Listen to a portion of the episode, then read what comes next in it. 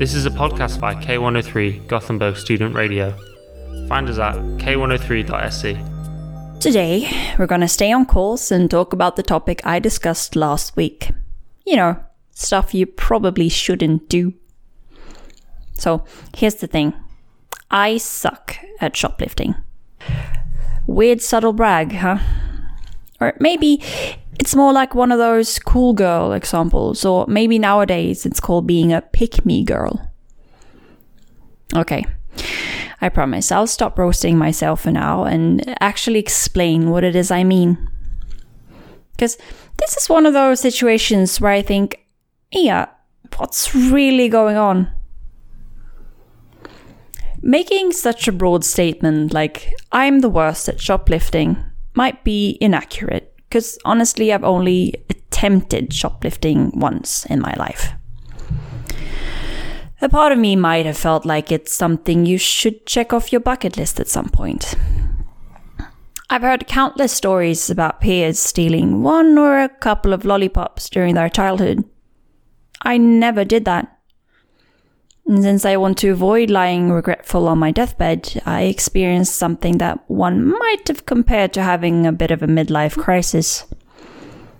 But yeah, as with many other things, this shoplifting didn't quite go according to my plan.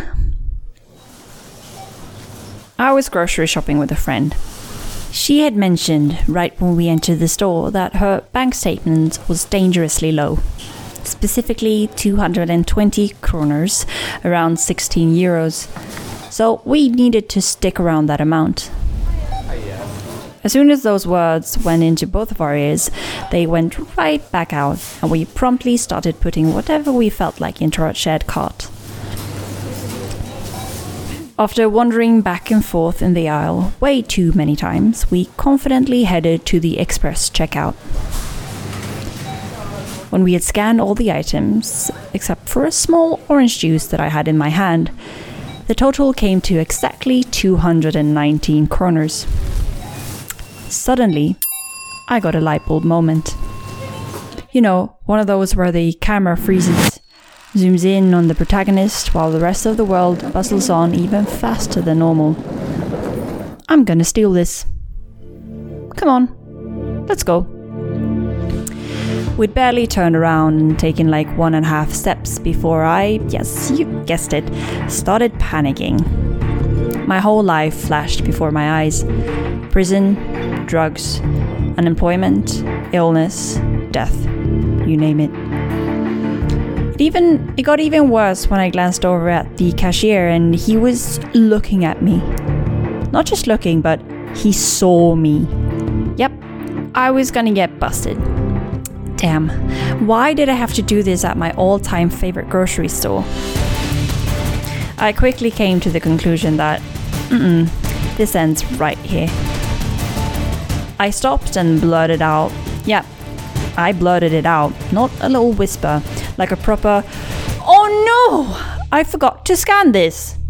I think I even waved my arms around a bit, you know, a bit dramatically, like those older women do when they just need to show with their entire body how dramatic something is. So I scanned the juice, paid, and walked out with uh, my tail between my legs.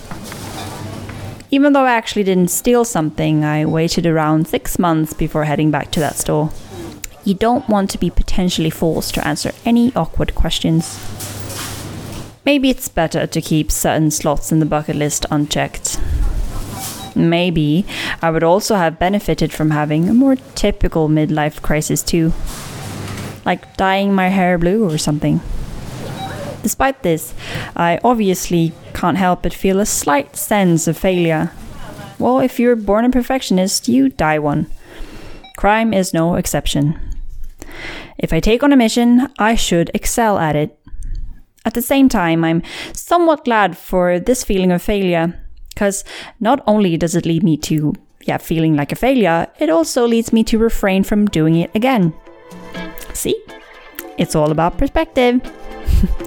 See you next week.